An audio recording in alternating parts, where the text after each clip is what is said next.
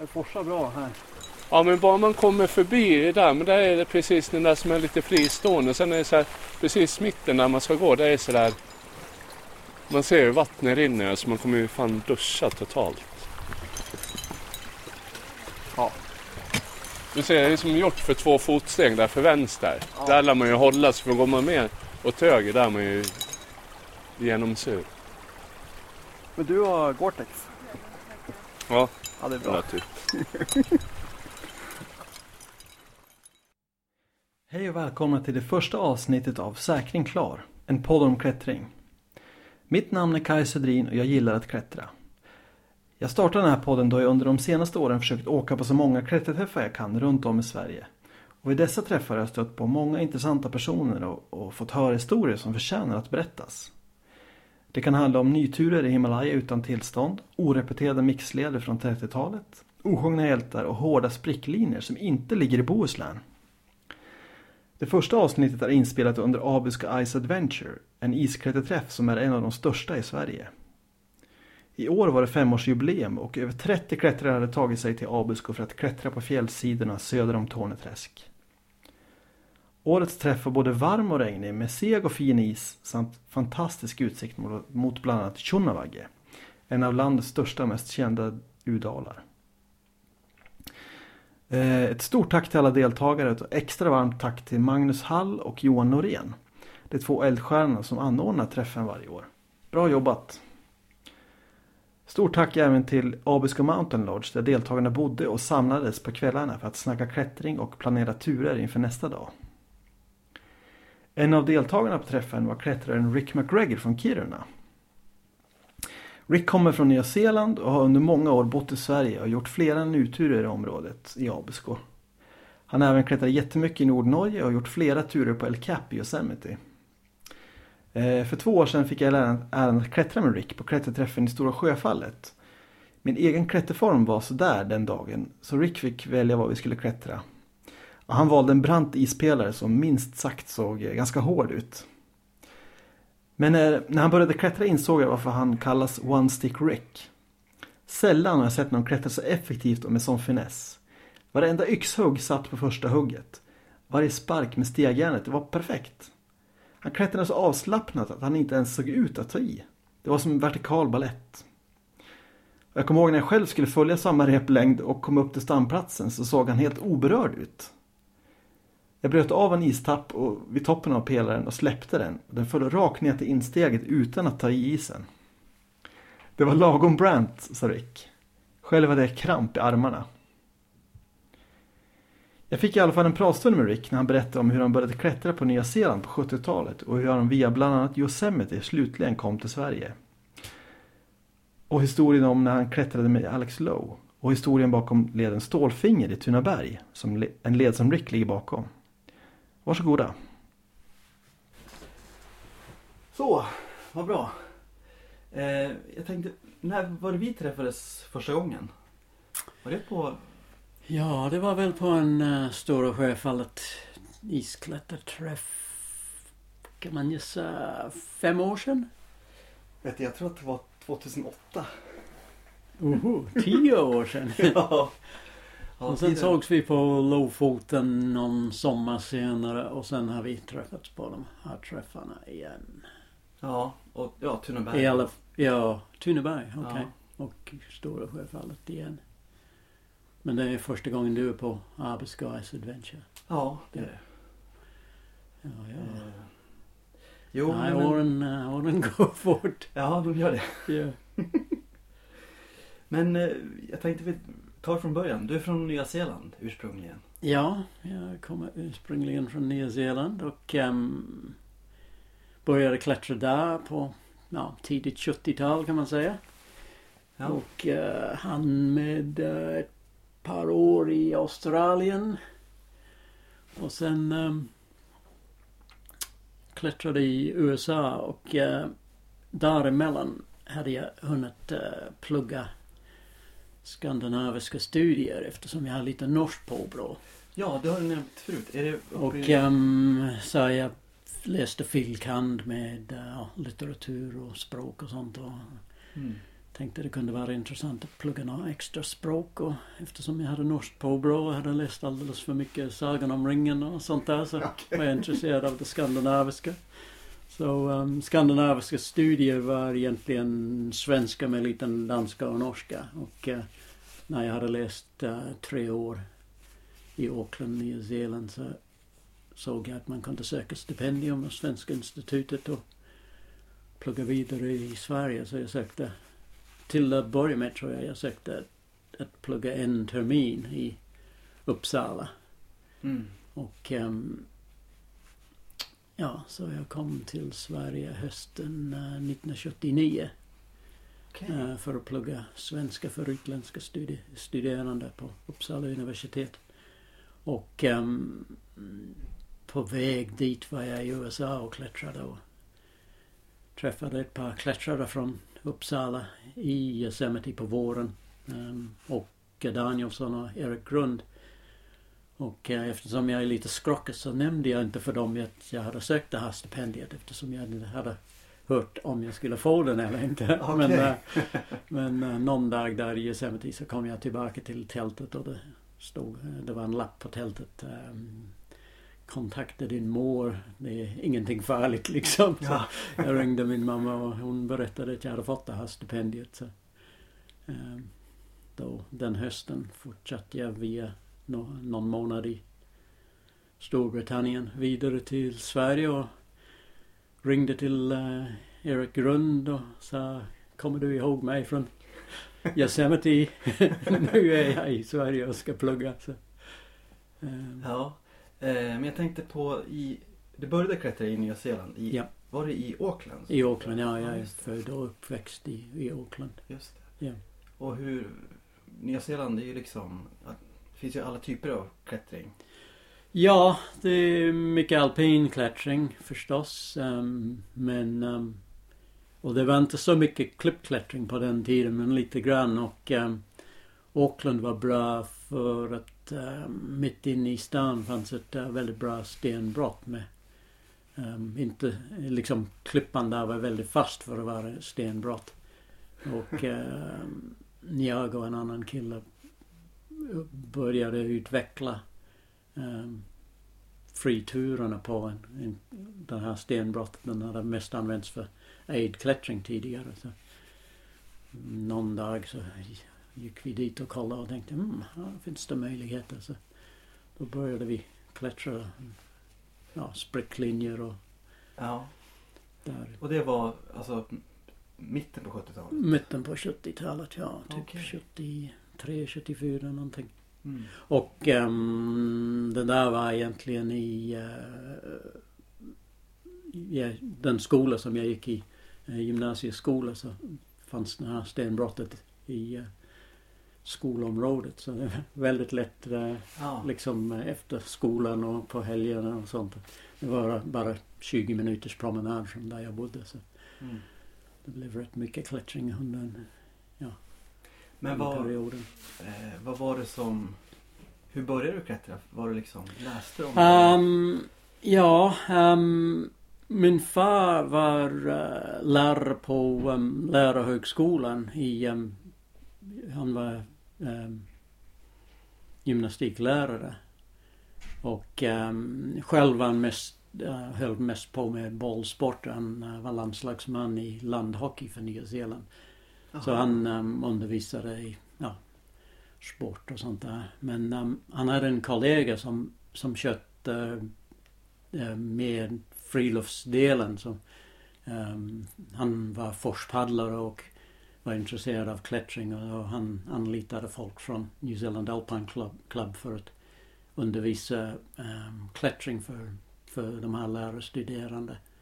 Och um, eftersom han visste att jag var intresserad av um, bergsklättring lite grann eftersom uh, vi hade bott fem år på Sydön i, i närheten av Sydalperna och man hade sett de här. Och min far och min mor båda hade gjort mycket fjällvandring och min far hade gjort lite alpinklättring med en, annan släkting som höll på väldigt mycket med alpinklättring. Så Ehm, då frågade den här kollegan till min far om, om jag ville hänga med på den här klätterkursen. Och Ah. Det gjorde jag och, och uh, upptäckte att klättring var kul. Och, um, så då tog jag kontakt med de här instruktörerna i efterhand och fick följa med på, på helger. Och en av dem i synnerhet um, tog hand om mig och uh, lärde upp mig så att säga. och det var bra också att han, uh, han var inte alltför beskyddande heller. Han, det var inte att jag fick gå som andra man på en massa leder. Det var lite, ja, några leder som andra man och sen var det liksom att börja leda saker. Så, ja, det blev ganska mycket redan från början. Mm. Var, var klättring stort på den tiden i, eller på Nya Zeeland? Uh, inte klippklättring. Uh, alpin klättring har en lång historia. New Zealand Alpine Club bildades sent på 1890-talet kanske. Och då fanns det redan liksom många som hade klättrat i Sydalperna. Mm. Um, och som i många ställen klippklättring började som träning för, för alpinklättring. Men uh, um, i synnerhet i Auckland som är ganska långt från, från riktiga berg så blev det snabbt att um, det var den sortens klättring som man kunde hålla på med hela året och klimatet i Auckland är sådant så det går i princip att klättra året runt. Det regnar ganska mycket på vintern men mm. temperaturen är i alla fall inget problem så bara det är fint väder så går det att klättra året runt. Mm. Just. Um, så ja, det började väl bli mer och mer vanligt att uh, folk höll på med, med klippklättring um, där på sena 70-talet. Och um, när jag åkte till Yosemite för första gången våren 79 um, ehm, var det rätt många andra som åkte dit det året. Några nyzeeländare hade varit i Yosemite tidigare. Uh, men uh, det var nästan uh, det året som, som det verkligen exploderade. Och um, det var en uh, nyzeeländare um, en, uh, som jobbade på ett universitet i Kanada. Och han kom till Yosemite den, eh, den våren och frågade i Camp 4, eh, finns det några andra nyzeeländare eh, här i dalen? Och, och um, de sa, ja, vilken grupp vill du ha liksom? Det är som Auckland, folk från Auckland där och folk från Christchurch där och folk från Dunedin där. Och, uh, vi från Auckland, um, jag har en, en bild på på min kompis gäng. Vi var väl uh, typ en åtta till tio stycken där samtidigt. Så vi tog en sån där gruppbild med en fotboll som ett fotbollslag ja. liksom. vi var så pass många. Ja, Okej. Okay. Eh, men då där 79, det var då du åkte till Yosemite? Ja. Just det. Ja. Då hade du pluggat innan på, på Nya Zeeland? Ja, jag hade pluggat uh, ett par år 74, 75 på universitetet och sen mm Um, en uh, äldre kompis lockade mig över till Australien uh, för att klättra. Så han hade varit där tidigare och, och uh, lovordade klippklättringen i Australien. Och, uh, så jag tog ledigt från mina studier ett par år och um, jobbade ett halvår för att tjäna ihop pengar och sen uh, åkte vi över till Australien och, och um, klättrade mycket i Frog Buttress i Queensland ett par månader och sen och åkte ner till Sydney och skaffade bostad och, och sökte jobb i Sydney. Och jag var kvar i Sydney ett år till och um, och uh, jobbade och klättrade på helgerna och åkte upp mycket till Blue Mountains och Um, åkte ner till uh, Mount Buffalo och Rapley och andra ställen i Australien. Så det blev en ganska intensiv period med klättring och det var mm, ja, då jag lärde mig sprickklättring till exempel. Och, ehm, och sen skulle jag fortsätta till Yosemite 78 men jag tyckte att ehm, när jag mellanlandade i, på Nya Zeeland att det var kanske lika bra att bli klar med den där filkan. Så jag pluggade sista året och Sen fortsatte till Yosemite året efter, eh, våren 79. Okej. Eh, jag tänkte på det när du var i Australien där. Var, klättrade du mycket med RPs, antar jag? Uh, ja, det var då jag täckte um, RPs och ja, det var innan Friends kom så det var de här sprickklätterturerna om det var bredare sprickor då var det Hexcentrics och var det Offwood sprickor så var det Tube Chocks. Det var som typ 4 tums, 5 tums, 6 tums ja. uh, Tube Chocks och uh, RPs um, utvecklades av en um, kille som heter Roland Pollock. och uh, han um, bodde i Melbourne och klättrade mycket i Rappalis och uh, just den där formen på de här små kilarna passade perfekt i uh, klippan i Rappalis. Mm. Det var många turer i Arapalis som um, säkrades med, med de här små kilarna. Och när vi kom hem från um, Australien i slutet av 77 tog vi med sådana och um, det var många väldigt tunna sprickor i det här stenbrottet i Auckland som vi klättrade i så det, det var bra att ha dem där också.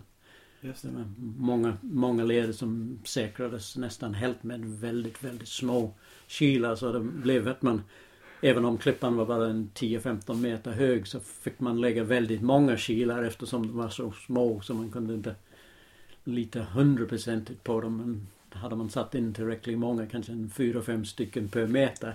Dels att uh, det kändes säkert och dels att man hade blivit väldigt stark från att hänga där och pilla in små kilar i sprickan. Just det. Och det är han, de här små kilarna som han, han lödde dem ja, det är mässing med um, vajern går bara rakt upp in i kilen och är, är lödd med silver ja.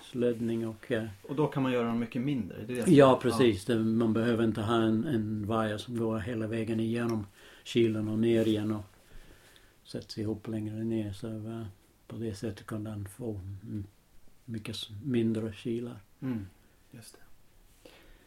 Eh, ja, men Yosemite 79, hur, hur var det? Ja, nej, det var också väldigt utvecklande. Jag hade redan um, spenderat mycket tid på sprickklättring i Australien. Så då var man, och även svarklättring. Det fanns um, ehm, fina uh, svarturer på granit i, i Australien. Så egentligen hade man um, en fördel över folk som bara hade klättrat på Nya Zeeland eftersom det är inte så mycket sprickklättring och inte så mycket svarklättring där. Men eh, så när man kom till Yosemite det var dels mycket sprickklättring och, eh, och även eh, på Glacier Point Apron var det um, svarklätterturer så um, då var man ganska väl utrustad för, för det. Ja. man, hade, man hade är på sina axlar från att ha kämpat sig upp för offwood-sprickor i Frog Buttress. man klarade av lite bredare sprickor i Yosemite som kan vara lite skräckinjagande för folk som har lärt sig klättra på andra delar, i andra delar av världen. Ja. Men eh, då, 79, hur var, bodde du i Camp 4? Ja, bodde i Camp 4 väldigt länge. Kom dit får se nu, kanske till och med i slutet av mars eller någonting. Väldigt tidigt på våren och um, lämnade um, när det blev för varmt nere på dalbottnen. Um, på sommaren, kanske i början på juni Jag åkte upp till Tuolumne Meadows och stannade kvar där uppe ytterligare någon månad eller, eller mer. Så det var från uh, ja, typ hela april, maj juni och en bit in i juli tror jag i Yosemite National Park. Um, till att börja med um, jag och en kompis från Auckland klättrade en hel del uh, friklätterturer och uh, efter någon månad kände vi oss redo för att um, tackla någon wall och fick tips om att um, Leaning Tower är en bra Big Wall att uh, lära sig på eftersom det det är bara en övernattning och um, man börjar ganska högt upp och den är i princip överhängande hela vägen. Så det är dels att man får rätt så mycket exponering så man får vänja sig vid det och trots att själva leden är inte så lång. Och ehm, um, att hissa säcken är lite lättare på grund av att det överhängande slä, säcken släpps inte med ut efter väggen. Och, um, så man slipper en del trassel. Så, uh, mm.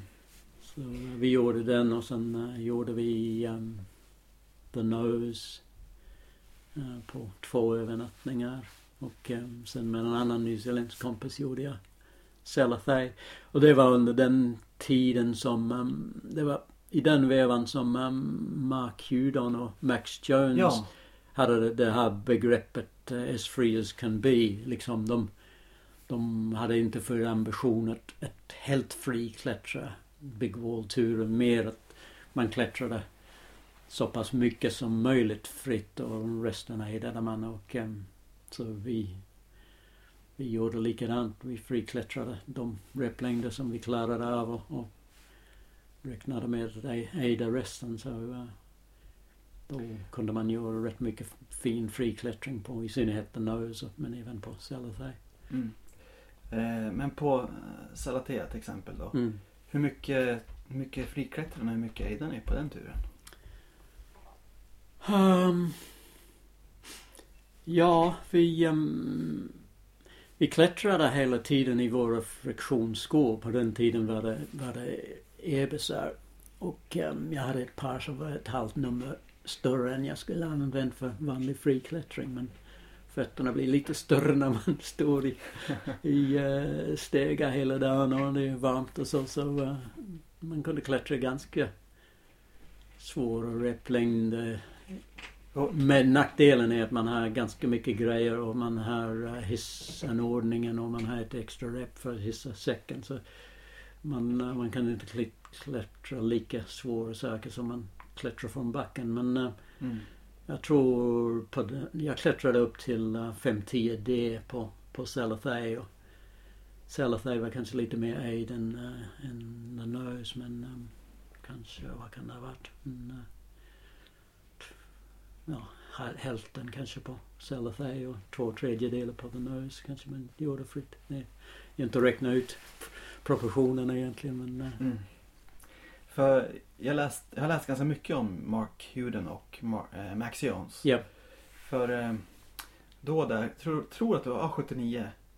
Eh, när de försökte, när de klättrade den turen. Så räknar de att de kanske friade upp mot en 80-90% av turen. Ja. Och klättrade ju jävligt hårt alltså. Upp mot Mm. 513 några replängder. Ja, jag vet inte om det var så svåra. Svåraste graderingen på den tiden var kanske 512 någonting. Ja, precis. Så um, kanske höga 512 de var... De klättrade. Men det var väl också så att de inte riktigt visste hur svårt det var också. Nej. Nej. Eh, för det, ja, det var ju liksom Friklättringen hade ju som inte blivit så stor då på El Cap. Mm. Men det är fascinerande för att de klättrar ju väldigt hårt hårda eh, hårda friturer på El Cap för 40 år sedan. Ja, men uh, just att de var båda väldigt duktiga. Det var som ett väldigt bra lag. Så de Mm. pushade varandra och de turades om. Och jag vet inte i vilken stil de klättrade också. Det, på den tiden hade, hade man... Um, det var ofta att man gick upp och la säkringar och kom så högt man kunde. Sen firades man ner och sen gick nästa killen upp och la några säkringar och sånt. Så jag vet inte hur pass vad folk idag skulle anse på det, liksom hur vad gäller den stilen men um, samtidigt det var uh, det var ja de pushade graderingarna med den utrustning och de i synnerhet de skor man hade på den tiden så, Ja, så man ska inte förakta förakta det och som du säger det, det är uh, 40 år sedan och ja. För du sa att du hade Ibis. Det är de här gamla, en av de första friktionsskorna som kom egentligen. ja Ja, precis det. Um, under ganska- många år var det var, hade ebisar um, nästan monopoli på alla, alla duktiga klättrare hade de. Um, men problemet var att um, när så många ville ha dem så ville de hitta något sätt att göra dem snabbare och billigare. Så då ändrade de uh, produktionstekniken så att de blev mycket sämre. Och det öppnade upp för andra andra företag att komma med nya skor och konkurrera ut dem. Och, och i synnerhet när uh, kom med, med mycket bättre gummi då, då, var, då var det kört för, för ebisar. Men uh, under en rätt så lång period det var, ja, det var ebisar eller mycket sämre skor Ja. som man fick välja mellan. Eh, men Yosemite där, 79 liksom. Hur, jag tänk, för mig, då tänker jag att det var liksom lite av fortfarande var eh, hippie-era på ett sätt. Eller hur, hur var det där? Ja, ehm, man hade förstås man har haft många perioder i, Yosemites historia och jag missade mm, the golden age med, eh, med uh, Harding och Robbins och de där som gjorde de första riktiga Big Wall-turerna. men eh, sen kom uh, på 70-talet och det var många av dem som var kvar i dalen när, när jag var där. Jag har liksom om man ska namedroppa. Man har till och med uh, knutit in i ett rep som eh, med Jim Bridwell. Han, det var någon dag vi, vi hamnade nedanför en led på Middle Cathedral Rock och um, Jim Bridwell och ett par kompisar hade en, ett topprep på en, en fin diet av Burgess Williams. Och jag och uh, Glenn Tempest från Australien uh, fick uh, knyta in oss där och, och prova på den leden tillsammans, tillsammans med Bridwell och sina kompisar. Och mina sista par ebisar köpte jag av Ron Kauk i, dalen. Han hade redan upptäckt fyra så bytt till dem och jag, jag höll mig fast vid ebisar och fick köpa ett par ebisar av honom. Och mina första friends köpte jag från i och för sig Ray Jardine var kanske inte en Stonemaster men uh, han uh, gjorde svåra turer i, i den vevan också, slutet av 70-talet när han um, designade Friends och, och fick en liten fördel över, över andra som inte än hade fått tag i sådana så uh, um, jag köpte mina första Friends från Ray Jardine från sin skåpbil i, i Camp 4. Har du kvar dem? Uh, jag har säkert kvar någon av mina första. Ja, jag grävde igenom lite gamla grejer häromdagen och hittade sådana där ursprungliga Friends. Ja.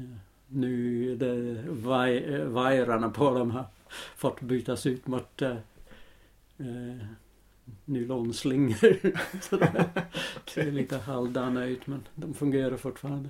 Just det. Om man ska åka till Indian Creek och vill samla ihop alla möjliga friends man har så kanske man gräver till och med fram de där gamla. Eh, du nämnde också tidigare när vi pratade här att du hade klättrat med Alex Lowe. Ja, um, Ja, det var det- nog uh, året efter tror jag. Jag åkte till, um, ja som sagt, fortsatte till Sverige och uh, var i Sverige något år och sen på vägen tillbaka till Nya Zeeland um, spenderade en månad i, i Yosemite igen och uh, i samband med det um, i Camp 4 träffade Alex Lowe som sökte någon att klättra med och, Och- så vi klättrade tillsammans ett tag där och gjorde Astroman på Washington Column tillsammans. Uh, båda, vi var båda sugna att göra den och vi eh, kom överens att om man ledde den skräckinjagande Harding Slott som är som en, en uh, ja, någonting halvvägs mellan en uh, off with kamin som öppnar utåt neråt. Om han ledde den replängden eh, och um, en svår eh, uh, replängd i början, the boulder problem pitch, så skulle jag ta mig an um, sista replängden som var lite utsatt uh, faceklättring, inte riktigt svar men lite mer som svar än, än, uh, än något annat. Och jag hade ju klättrat rätt mycket svar och, och kanske lite ja, kände mig trygg med idén att klättra ovanför mina mellansäkringar på den typen av klättring. Så.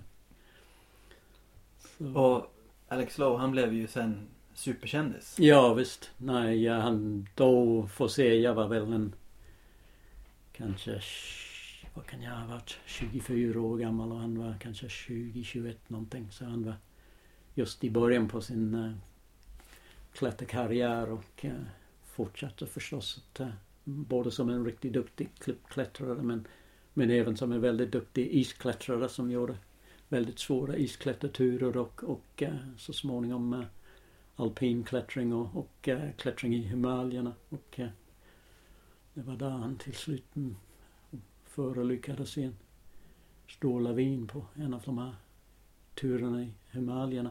Tillsammans, han, han var där tillsammans med Konrad Eiken som, som eh, överlevde den eh, olyckan. Mm. Just det. Ja, vi ses här nere. Ja.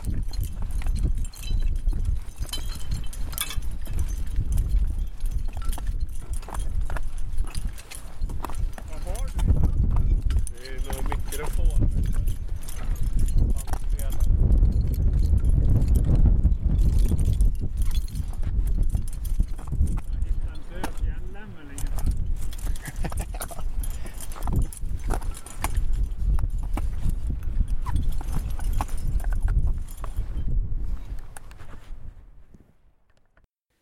Eh, och sen, du fick det här stipendiet. Ja. I, var det Uppsala universitet? Ja. Just det. Ja, det var lite intressant. Jag hade eh, mina svenska lärare på Nya Zeeland. Jag hade en, min allra första lärare kom från Lund.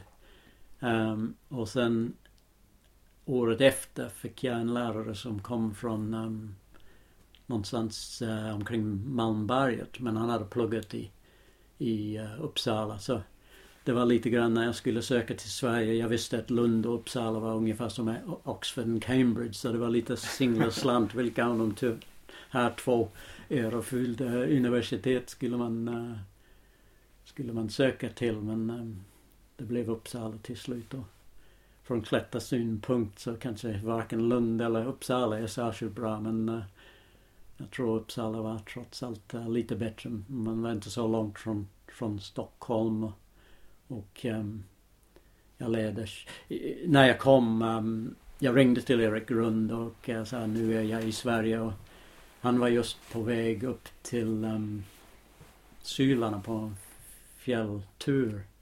Ah, Men okej. jag fick låna hans uh, lägenhet och han och vi ringde till uh, Åke Danielsson som var den andra som jag hade träffat och uh, Åke skulle ner till Hägsta-träffen den där kommande helg så uh, Ehm, um, Erik var bortrest men uh, jag åkte ner med Åke och andra från Uppsala klätterklubb till, till uh, Hägsta-träffen min första helg i, i Sverige och uh, ja, då på den tiden samlades i princip alla aktiva klättrare i, i Sverige på de här um, höstträffarna. Så uh, man tältade på ängen i, i Hägsta och um, jag fick klättra en hel del fina leder där och, och eh, ja, då hade man liksom redan etablerat sig lite grann. Man hade kommit direkt från vad kom vi fram till? Hur många månader jag var i Yosemite och Tuolumne och sen uh, någon månad till i, i Storbritannien. Så jag var på väldigt bra form när jag kom dit. Så då kunde jag göra en del svåra turer i Hägsta och, och uh, i alla fall uh, folk kunde se att jag var någorlunda kompetent så att säga. okay. Och sen efter det så um, åkte jag ner till Stockholm ganska ofta. Träffade uh, Anders Lundahl och Eva Selin som var just i början på, på Lundahl hade just börjat bli riktigt duktiga också och um, åkte ner och träffade dem och klättrade på klipporna runt omkring Stockholm på, på helgerna. Mm. Mm. Men eh, då när det kom till Hägsta på träffen och Mm. vad, vad var ditt liksom intryck av Klätter-Sverige? Ja, det är klart. Har man just uh, klättrat i Yosemite så kanske man är inte sådär överdrivet imponerad av, av uh, klipporna, i, klipporna i Hägsta. Och, um, och klipporna runt omkring Uppsala var uh, väldigt små men uh, i och för sig det är ganska fin bergart på eh, äh, klipporna i Ålands kyrka till exempel. Men, och um, någon helg åkte jag ner med äh, någon helg där på den, höst, den hösten åkte jag ner till Tunaberg med, med Erik Grund. Det tyckte jag var en äh, väldigt fin klippa med två till tre replängders klättring på. Väldigt fin klippa. Och när man har kommit från Nya Zeeland, Nya Zeelands klippklättring i synnerhet på 70-talet.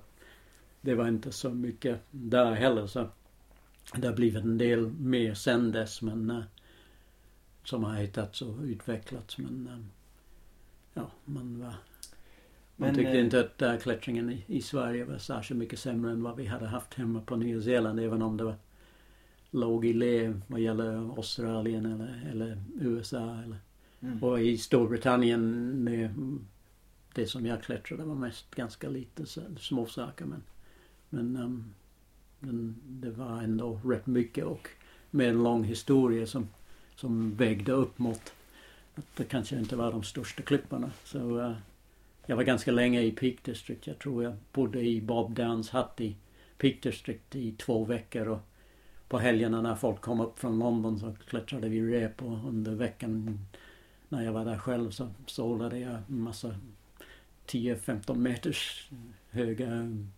V-sprickor.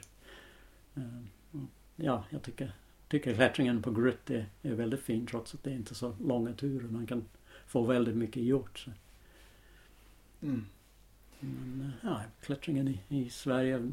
Just eh, när man hade Erik som, ehm, som var ledig just då. ehm, och vi kunde åka runt på, på eh, vardagar och han hade lite idéer om vilka leder man kunde göra. Han hade spejat in en del saker och jag var som rope gun. Han eh, sa "Åh, den där sprickan, okej då, så testade vi den. Och, så vi gjorde en hel del nyturer den, den hösten. Dels i Tuneberg med uh, Ja, stålfingrar och, och eh, lite andra Det var- saker. Och, det var som min följdfråga. Eh, du har ju klättrat många, gjort många fina nyturer i Tunaberg. Ja, jag funderar är- egentligen. Är det, är det många eller är det bara att um, jag lyckades eh, göra en tre, fyra, fem stycken Klassiker. som var ganska, ganska klassiska. Ja, Vilka? Det är Riksutsteg. Ja riksutsteg, um, Riksgränsen. stålspring, stålfinger och um, på senare tid när jag gick igenom fören så upptäckte jag att uh, vänster om toppspricka kanske jag hade gjort, gjorde första bestigningen av också. Um, och um, kanske någon till i den vevan och sen och sen um, 82 tror jag jag gjorde Riksgränsen och, och Yosemite-taket. Um, när jag kom tillbaka till Sverige ja, på an, andra gången. Okej. För jag har, eh, jag har ju försökt eh, klättra Riksutsteg. Ja. jag kommer inte upp. Jag är för dålig på att jamma. Ja, jag har aldrig varit tillbaka till den så jag har inget minne av hur den ser ut, vad för slags klättring den är eller hur svår den är. Liksom stålfinger, det kommer kommer jag ihåg från när jag gjorde den och den är en så fin linje och man blir lite glad varje gång man ser på sociala medier att någon lägger ut en bild på den och, och är stolt att de har klättrat den och då vet man att liksom man har gjort något som folk fortfarande tycker är en en utmaning och en fin led och, och sånt där. Och jag funderade länge på liksom, ah, skulle man våga göra om den själv liksom. Det kan ofta vara lite, lite av en chock att, eh, ja. Men, när man har gjort någonting när man har varit på bra form och, och eh, för 30-40 år sedan att gå tillbaka och, och göra om den. Men jag, jag gjorde om eh, stålfinger under en Tunebergsträff för kanske fem år sedan eller någonting. Och lyckades komma upp den. I och för sig numera har man många små kamkilar så det var en fördel mot när jag gjorde den först. Men jag var ganska glad att jag kunde komma upp för den igen. Ja. Men då när du, när du klättrade den första gången. Ja. Eh, vad, vad hade du för säkringar då? Ehm, jag hade kommit från Yosemite så jag hade väl ehm, Jag hade i alla fall ettans friend. Jag vet inte, får se den. ehm, jag tror man kan få en, en trea någonstans också så jag hade väl en tre av de här små och sen var det nog eh, mest um, eccentrics och, och ehm, vanliga kilar skulle jag tro. Ehm, jag tror inte man hade ens um, halvstorlekar så en- 1,5 hade man nog inte heller det året. Mm.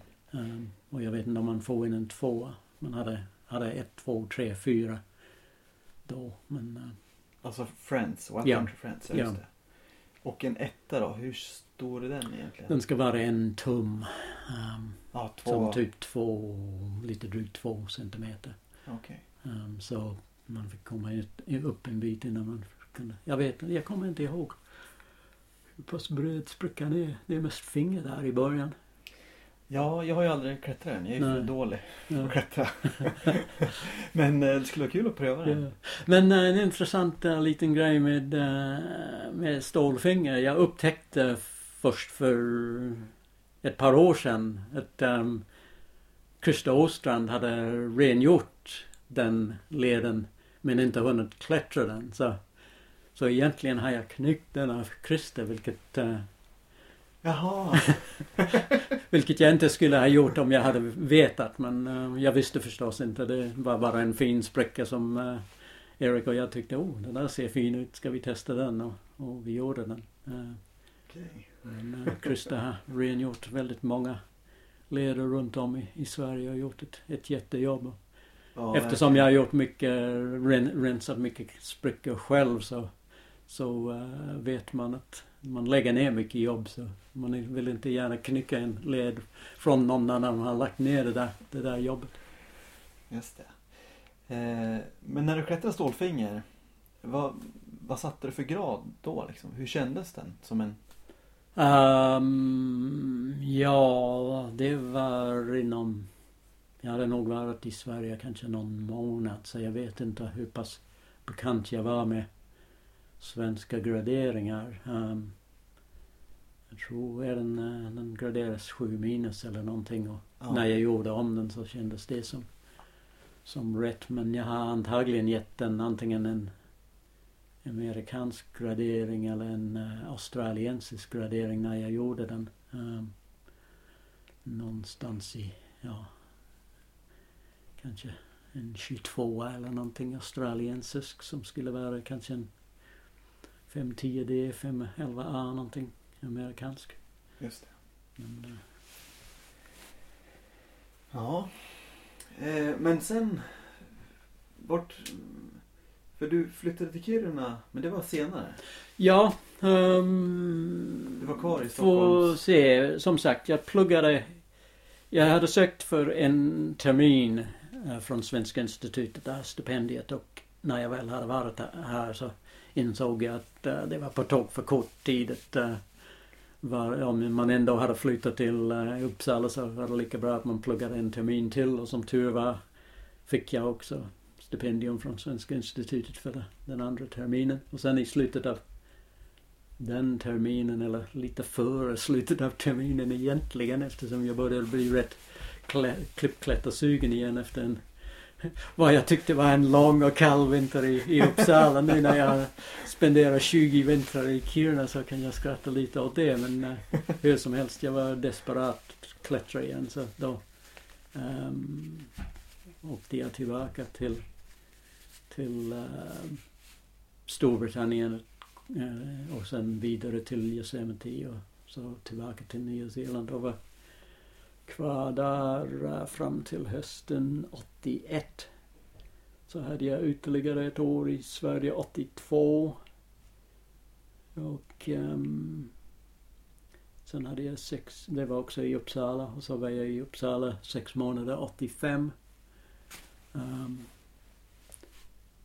och sen hade jag ett läsår i um, Göteborg. Um, då hade jag börjat som doktorand på universitetet i, i Dunedin, University of Otago. Jag skulle disputera på Per-Olof Sundmans romaner och um, studera hur pass mycket han hade lärt sig berätta tekniskt av de gamla isländska sagorna.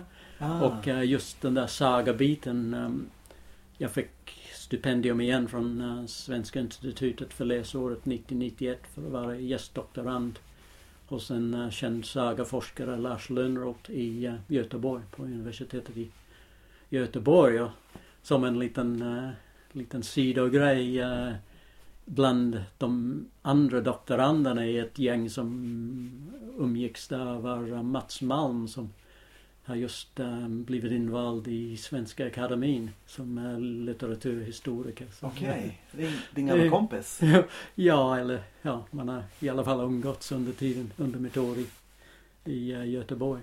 Och i Göteborg, um, jag var ju sugen att, hade, nu var jag lite mer påläst och visste vilken del av Sverige man skulle söka sig till. Och visste att Göteborg var betydligt bättre för klippklättring än uh, Lund och, och Uppsala. Så uh, i Uppsala, äh, i, i uh, Göteborg heller. så uh, klättrade jag en hel del i Utby och Fjällbo och sånt och åkte upp till Bohuslän.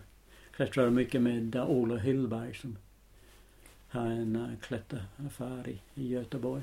Just det. Um, och uh, klättrade en del is med Ola också. Vi åkte upp till uh, NM i um, inomhusklättring uppe i Östersund under vintern och sen stannade kvar och bodde hos en kompis till honom i Kaxås tror jag det heter. Ah, okej. Och um, klättrade is där i närheten någonstans. Fina gula isar över någon sjö. Ja. Det skulle vara intressant att veta var vi var egentligen. Men... Men var i Offerdalstrakten kanske? Ja tänka. du, det kändes som om det var som rakt västerut från Östersund någonstans men jag kan ha helt fel. Ja. Det, är, det här är, vad kan det vara? Vintern 90-91 någonting. Okej. Mm. Och eh, ja, vi klättrade en del is upp i Bohuslän också där vid Möhättan. Tror jag det var och bakom folkhögskolan i, är det Munkedal eller någonting. Ja, på den tiden var det raka yx, yxor och eh, hänga i en fifig krok medan man krånglade in gamla Seleo isskruvar. Så. Med footfangs ja, som stegjärn. Ja, lite skillnad mot eh, dagens utrustning. Ja. Så det var 90-91 och sen eh, var jag tillbaka på Nya Zeeland eh, fram till eh, 97 så i mitten av 97 eh, ehm, kom jag tillbaka till Sverige och har varit i Kiruna sedan dess. Just det. Så det var då 97 som du flyttade till Kiruna? Ja. Okej. Ja. Eh, jag tänkte på, nu är vi ju ändå i Abisko. Det är i början på issäsongen. Ja. Du har ju klättrat väldigt mycket is då. Ja, ehm, lite grann vill man klättra hela året i, i, eh, i Kiruna så eh, är man lite illa tvungen att klättra is men eh, Ja.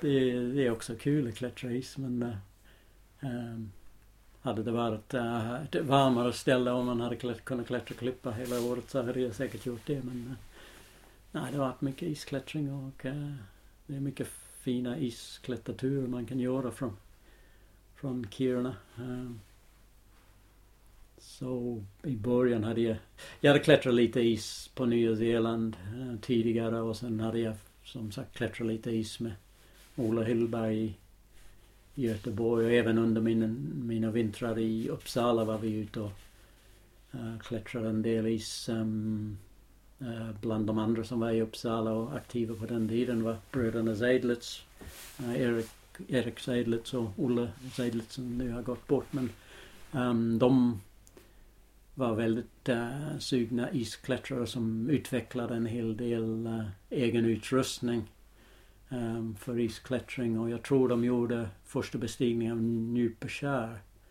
eventuellt tillsammans med um, Peter Klättermusen Askulv om jag kommer ihåg rätt. Men hur som helst uh, bröderna Zedlitz um, gjorde några fina isklätterturer där på, ja vad kan man säga, sena 70, tidigt 80-tal. Mm. Um, så jag var ute med dem till um, ja, små isar i Ålands kyrka eller predikstolen på utkanten av, um, av Uppsala och testade lite med, med uh, Chunad Zero yxor och footfangs och gammal utrustning. Och när jag kom till Kiruna 97 hade jag kvar sådana saker. Så nu när man är här på uh, Abisko Mountain Lodge uh, jag pratade med Dick Johansson om när vi träffades i, i Kiruna den uh, hösten 97 och um, åkte upp till eh, uh, Tornaträsk till klättra falska blondiner och där var jag med mina plastskor, kofläck, uh, eh, Viva Soft eller någonting och footfangs och zero yxor och bangade på den första branta lilla delen av uh, falska blondiner så Dick ledde mig upp för den och det är nu 20-21 år sedan och vi funderar på, vi båda plocka fram de där gamla grejerna och göra om den där turen. Jag misstänker att liksom dels var det utrustningen som var ganska begränsad men uh, för min del uh, mest att jag inte hade klättrat så mycket brant is. Mm. nu med uh, 20 vintrar med isklättring så hade jag nog ändå kommit upp med, med de, de grejerna. Ja. Eh, i, nu när du har bott här, i- bott i Kiruna, vad, du har jobbat med rymden. Ja, när jag kom... Som sagt, jag hade disputerat på svensk och isländsk litteratur på Nya Zeeland. Det är Mm. som en, känns som en väldigt säker yrkesval där man liksom eh, bara väljer vilket jobb som helst med en sån utbildning. Men, eh, eh, men eh, nej, det är klart det är inte så många sådana jobb, i synnerhet i Kiruna. Så när jag kom till Kiruna så var jag arbetslös den första året. Jag hade sparat pengar. Jag, jag hade jobbat som universitetslärare med sådana här korttidsanställningar. Eh, två, tre år efter jag hade disputerat så jag hade tjänat ihop lite pengar. Och eh, så de pengarna levde jag på första året i, i Kiruna och sökte jobb och fick inget. Och sen till slut eh, efter att inte ha något jobb under ett år. Jag gjorde lite språkgranskning och översättningar och lite lärarveckor och sånt där. Och sen till slut um, uh, fick man två jobb erbjudande mer eller mindre samtidigt. Antingen uh, svensk och engelsklärare på komvux eller uh, um, informatör på Institutet för rymdfysik. Um, jag hade gjort lite språkgranskningar åt forskare på Institutet för rymdfysik och kände lite folk där genom uh, orientering och um, sökte jobbet där och fick det och där har jag jobbat nu sedan 1998. Men uh, nu har jag tagit delpension så jag är kvar där 50 procent och har lite mer tid för klättring även mitt i veckan vilket känns bra. Just det. Men varför, varför flyttade du till Kiruna? Var det... Ja, det är lite grann uh, slump kan man säga när jag kom till uh, Uppsala där hösten 79 uh, och ringde till Erik Grund och uh, han sa ja, du får bo i min lägenhet tills du får din liksom studentboende från, via Svenska institutet. Um, tyvärr ska jag iväg till fjällen men kommer ett middag hos mig innan vi hoppar på nattåget och en, han skulle upp till fjällen med uh, en Kiruna-tjej. Och uh, så var typ min tredje kväll i Sverige. Hade sover på en um, bänk i Arlanda när jag landade sent och sen hade jag bott i uh, ett hotell i Gamla stan som Svenska institutet hade bekostat och sen skulle jag till mitt studentrum i, i Uppsala. Så, ja, tredje dagen i, i Sverige så träffade jag en tjej från, från Kiruna. I och för sig vi blev inte ett par förrän uh, någon månad, kanske två månader senare på uh, Tunebergsträffen faktiskt på hösten. så, uh, Okej. ja, så då blev det att pendla fram och tillbaka mellan Nya Zeeland och Sverige under ganska många år. Och sen var vi i Isar under ett antal år och sen blev vi ihop igen. Och så efter att ha kämpat emot i 20 år så hamnade jag i Kiruna till slut ändå. Okej. Mm.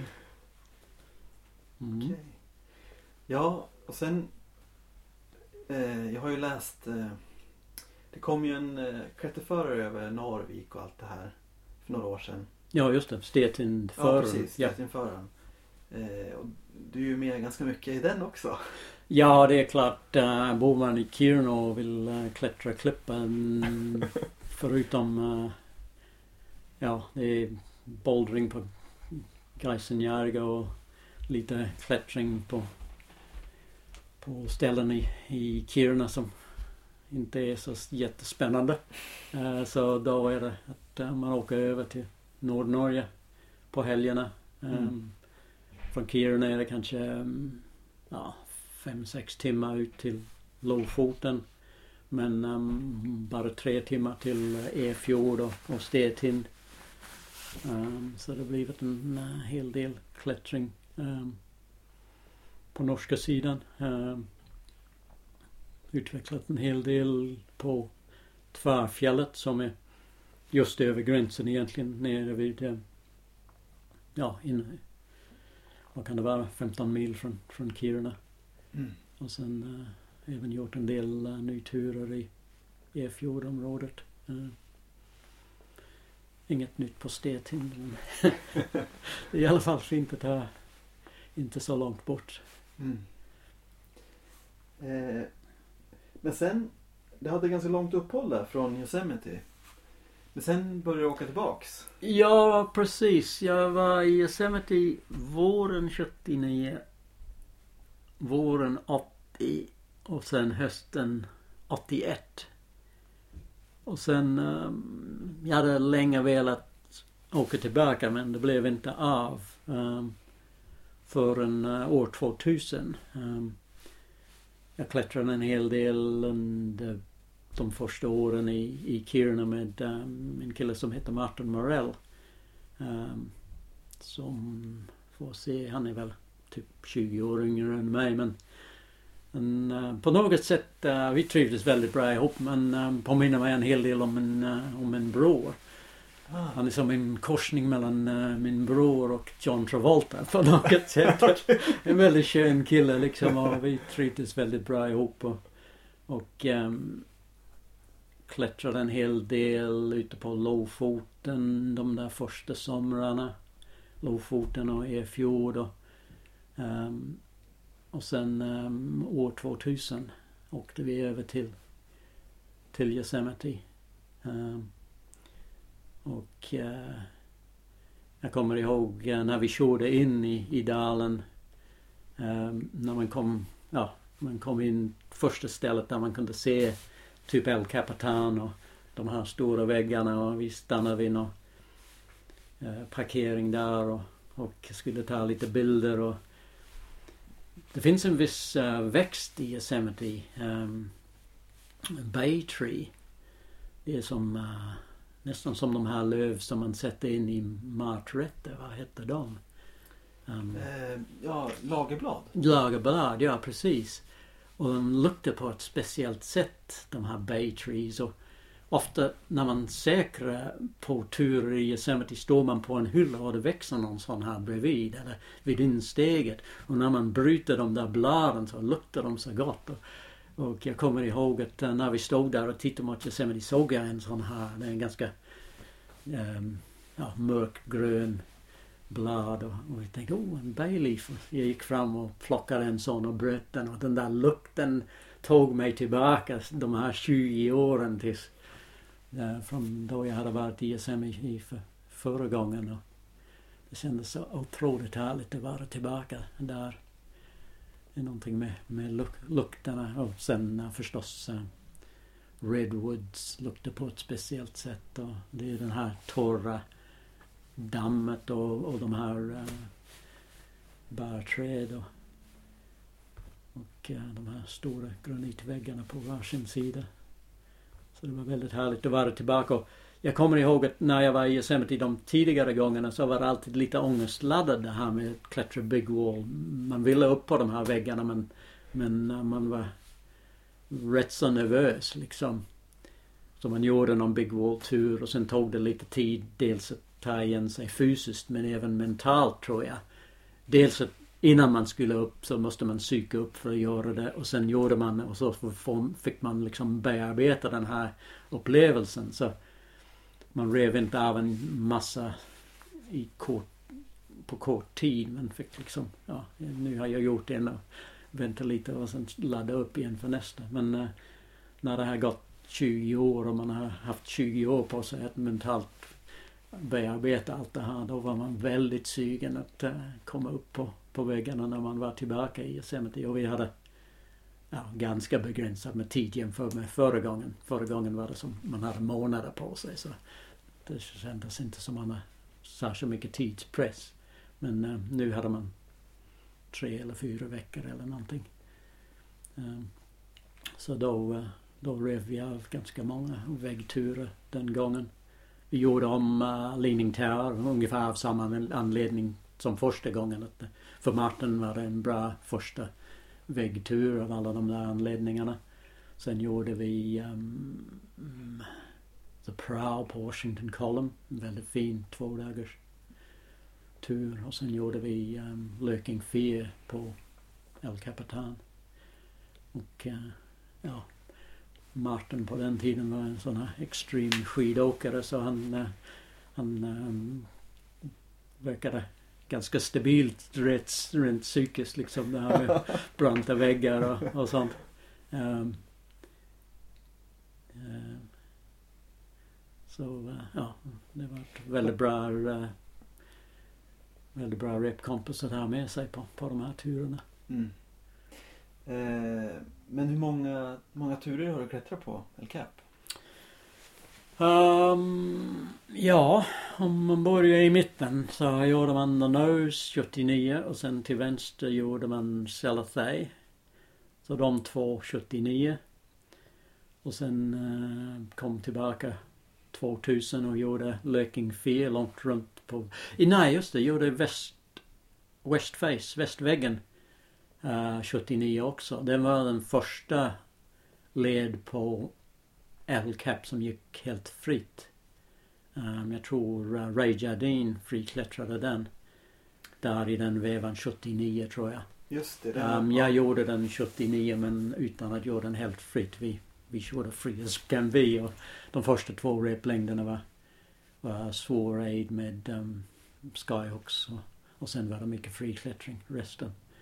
Um, så de, uh, de tre 79 och sen uh, när jag kom tillbaka 2000 um, gjorde Löking Fear också långt runt mot västerväggen. Och 2002, Martin och jag var, Martin och jag var, skulle egentligen tillbaka till Yosemite 2001. Um, 16 september skulle vi flyga. Ah, jag förstår. 11 september hände något. Och mm vi tänkte, ja, ska vi, ska vi ha is i magen? Ska vi ändå åka? Men uh, till slut, uh, eftersom vi kunde få pengarna tillbaka på resan på grund av 9-11 så bestämde vi oss för att inte åka. Men uh, vi åkte året efter istället. Och uh, då tillsammans med uh, Kalle-Peter Engström också från Kiruna. Och um, då gjorde vi Zodiac runt på Eh, sydostväggen. En eh, två med två bevacker tror jag. Och sen um, gjorde vi Mescalito med sex bevacker. Um, ehm, och sen eh, uh, 2006 åkte jag tillbaka till Yosemite. Uh, den här gången med Eric Grund. Som jag träffade i Yosemite 1979. Och uh, Åke Danielsson, den andra Uppsalabo som jag träffade i Yosemite 79 hade under de åren emellan hunnit klättra den nose med uh, Lasse Granqvist från Stockholm. Ja, liksom Erik tyckte kanske det var lite jobbigt att uh, hans kompis Åke hade fått klättra den nose men inte han. Så. Så Eftersom uh, jag tycker alltid det är kul att åka till Yosemite och The Nose är för mig den finaste klätterled i, i, i världen. Ehm, um, hade jag, hade jag tyckte det var kul att göra om den och väldigt kul att göra om den med Eric som jag just hade träffat i Yosemite. Um, så uh, vi gjorde The Nose 2006 på hösten. Uh, lite långsammare än eh, när jag var 23 år gammal. Då. um, då hade jag hunnit fylla 50 tror jag. Så, uh, men um, jag tror, vad hade vi? En, två, tre, fyra bevackar tror jag den här gången. Förra gången hade vi väl uh, två tror jag det var till och med. Men uh, ändå. Inte lika mycket friklättring den här gången men uh, fortfarande en fantastiskt fin tur och mm. fin upplevelse. Uh, och sen 2009 var jag tillbaka i dalen med Martin och med Lasse Thulin. Men um, Lasse och jag gjorde Leaning Tower men um, Sen gjorde vi försök på Tangerine Trip och på Dihedral Wall men det var väldigt varmt den hösten. Och, ja, man har alltid någon, någon ursäkt men vi kom inte upp så. Det. och uh, ja, jag har varit tillbaka till Yosemite lite sen det senaste gången som jag har gjort en Big Wall i Yosemite var um, 2012 gjorde jag South Face of Watkins med en um, nyzeeländsk kompis. Vi hade försökt klättra den 80 tror jag, våren 80. Um, ehm, och fått fyra av tre, fyra replängder från toppen. Så uh, under ett antal år där på mm, mm, ja, eh, uh, 2010 till 2012 så försökte vi göra klart den och till slut 2012 lyckades vi göra klart South Face of Watkins. Mm. Eh, jag tänkte på den här leden Mescalito. Japp. Den går väldigt nära den här uh, Dawnwall som Ja, Tommy Caldwell och Kevin Jorgesson fria. Ja. Just det. Va, hur... Det, det ser brant ut. ja den är brant och eh, ja, när vi klättrar Mescalito var det inte mycket friklättring kan jag säga. Det är någon, eh, det är någon bild på mig som eh, med friklättarskorna på som leder någon 5-9 spricka eh, någonstans men eh, men det var mycket aid och eh, Dawnwall går upp för samma del av väggen men eh, jag har jämfört eh, Topaz och eh, de korsar varann eh, flera gånger och det är kanske några replängder som är gemensamma men det är mer att de är på samma del av väggen.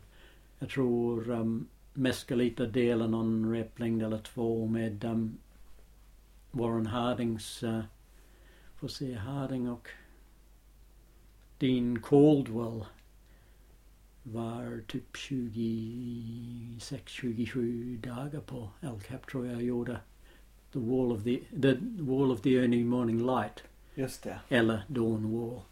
Um, och um, den här nya friklätterturen, The Dawn Wall, delar lite med den och med Mescalita. Det var ganska kul på Mescalita att uh, hitta en av uh, Hardings ursprungliga bårbultar från, vad kan det vara? Var det sena 60-talet kanske? 69 kanske de gjorde den leden. Uh, men man har, första gången jag gjorde Leaning Tower var det också Hardings gamla bultar och de var inte så roliga att hänga i på uh, överhängande vägg de var ännu äldre. Jag tror uh, Leaning Tower gjorde han typ 60-61 någonting. Så uh, första gången jag gjorde Leaning Tower 79 då var de bultarna redan 18 år gamla och såg inte så pålitliga ut. Okej. Och det var nog uh, därför vi fick fira av South Face of Watkins också eftersom en av de här gamla bultarna från Hardings första bestigning tillsammans med några andra Yosemite-legender som typ kanske Chuck Pratt och ett par till. Um, en av de här gamla bårbultarna uh, lossnade under min kompis vikt och uh, han tog ett ganska vad kunde ha varit ett allvarligt fall men uh, han klarade sig men vi tappade sugen då och firade av istället. Ja, det är lite intressant. Hålet som den där bulten kom ut ifrån.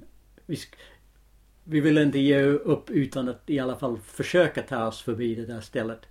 Så vi satte in en, vi hade inga borrbultar men han, han satte in en copperhead i, i hålet. Stack den rakt in i, i hålet och bankade in den och klev upp på det. Men sen när nästa bult såg lika dålig ut och det skulle bli en ännu längre fall och hamna i samma ränna som han nästan hade gjort illa sig på för, från lite längre ner så tappade han sugen. Men äh, det intressanta var att när vi kom tillbaka dit, äh, får se, det var 80. Kom tillbaka dit äh, 2012 och den där Copperhead var kvar i hålet. Och vajern ifrån den såg inte så rolig ut. Så han fick kliva upp i den där Copperhead igen i ännu sämre skick. Men som tur var var minst några av bultarna längre upp var i bättre skick nu. De hade ersatt dem. Så då, kom, då kom vi upp. Så den kopplaren hade suttit i, hur länge då? Vad var det? Drygt 30 år. Helt fantastiskt. ja. Coolt. Mm. Eh, vad heter det? Isklättring. 20 år i, 20 vintrar i Kiruna. Ja. Eh, det märks att det har... När man ser dig klättra så märks det att du har klättrat ganska mycket is. Att det är väldigt, eh, Ja, det har varit eh, rätt mycket. Ehm, det varierar beroende på men ehm, när jag var som i början de första vintrarna när jag var som mest hängiven tror jag jag kom upp i typ en 35 isklätterdagar per vinter eller någonting och sen mot slutet när man blev lite slö och inte ville stiga upp så tidigt på vintermorgnar och köra upp till Abisko ytterligare en gång så hade jag kanske kommit ner till en, kanske 9-10 men äh, jag tror det är uppe över 400 isklätterdagar eller något sånt där sen jag kom till Kiruna. Um, utrustningen är mycket bättre nu förstås än, än dels det som jag hade med mig från Nya Zeeland och dels det som jag köpte den första vintern i, i Kiruna. Um, ja, yxorna och steg... Yxorna i synnerhet, kanske stegjärnen kanske inte utvecklats lika mycket. Mm. Men skruvarna i synnerhet också väldigt uh, stor skillnad att uh, sätta in en, uh, en vass expressskruv gentemot uh, de gamla utan vev och inte lika vassa och så vidare. Mm.